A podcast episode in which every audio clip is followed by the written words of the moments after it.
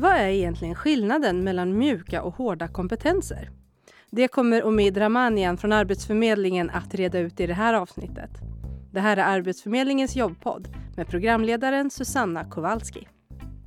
Varmt välkommen hit Omid. Tack så mycket. Idag ska vi prata om kompetenser. Jajamän. Och det är någonting som man pratar om hela tiden när man söker arbete, eller hur? Ja, det är någonting som pågår hela tiden. Vad har man för kompetenser? Lyft dina kompetenser. Och som den senaste flugan, eh, hårda och mjuka kompetenser. Just det, och det är det vi ska djupdyka i idag. Men innan vi gör det, hur skulle du förklara vad, vad en kompetens är? Det är väldigt svårt att kunna fundera på vad är just en kompetens. För mig är det ju väldigt mycket. Det kan vara både vad, vad du har gjort inom utbildning, inom arbete, vad du har för erfarenhet och liknande, men också vad du har för personliga egenskaper. Men just den här breda definitionen som man har snävat ner. Mm. Och det kommer från engelskan där de pratar om hard skills och soft skills som blivit så här hårda och mjuka kompetenser. Just det, precis. Och vad är då det för någonting? Enkelt sagt så är det så att hårda kompetenser är din utbildningsbakgrund, vad du har utbildat dig till, vad din arbetsbakgrund, arbetslivserfarenhet. Det är saker och ting som man kan ta på. Just det, det man har i CV till exempel. Det man har i CV exempelvis ja. Mm. Så det är väldigt så konkreta eh, kompetenser som man har. Och som man kan enkelt peka på och oftast kan man också styrka med, med någon typ av eh, examen eller intyg och liknande. Mm. Medan mjuka kompetenserna är ju det som du inte kan direkt styrka med. Det, det är där referenserna kan komma in som ska bekräfta det du säger om dig själv och mm. liknande. Just det.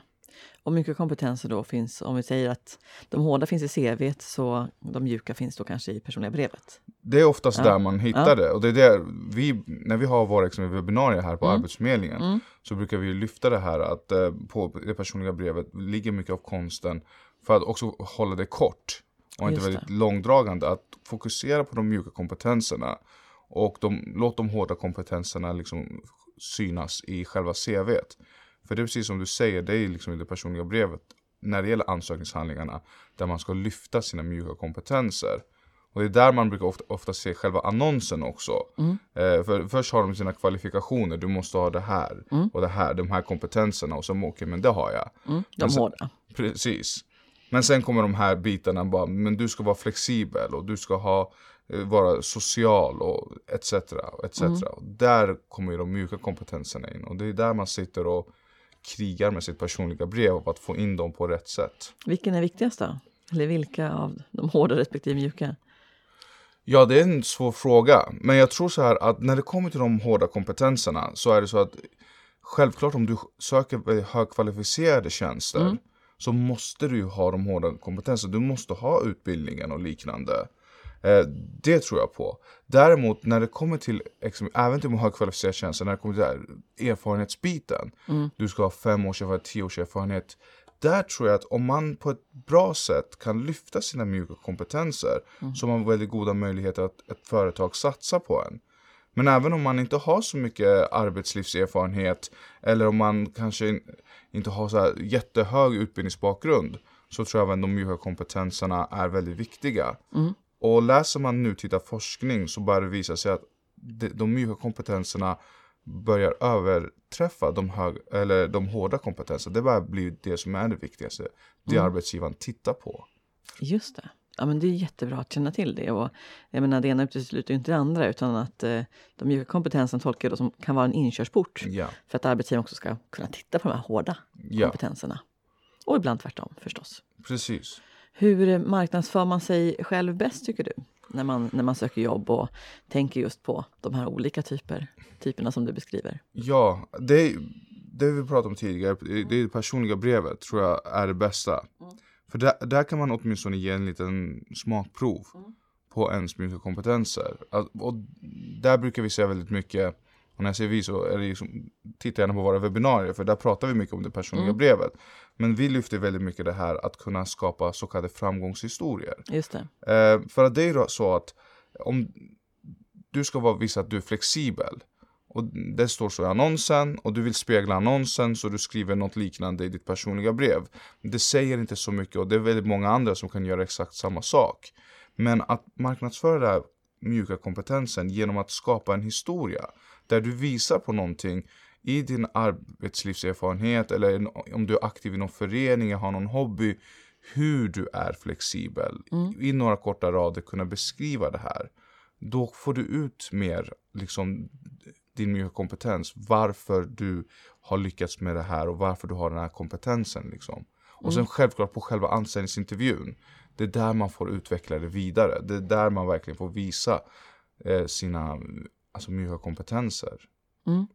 Det är ju jättebra. Jag tänker också att eh, vi pratar om CV, personligt brev, men mm. också ibland är man i kontakt med arbetsgivare och, och, ringer dem eller skickar ett mejl bara. Ja. Lite förutsättningslöst eller spontanansökan helt enkelt. Ja. Kan man använda sig av det där också? Att man eh, marknadsför sig eh, genom mjuka och hårda kompetenser, tycker du? Självklart, och det som är intressant, olika arbetsgivare tar det på olika sätt, men det är väldigt intressant det här med att skicka sig spontanansökningar eller slå en signal, för att det visar ju också att man är initiativrik, att man eh, vågar ta beslut och liknande. Det där har man ju direkt kopplat till, till en del av sina mjuka kompetenser. Mm. Och det ser ju arbetsgivaren.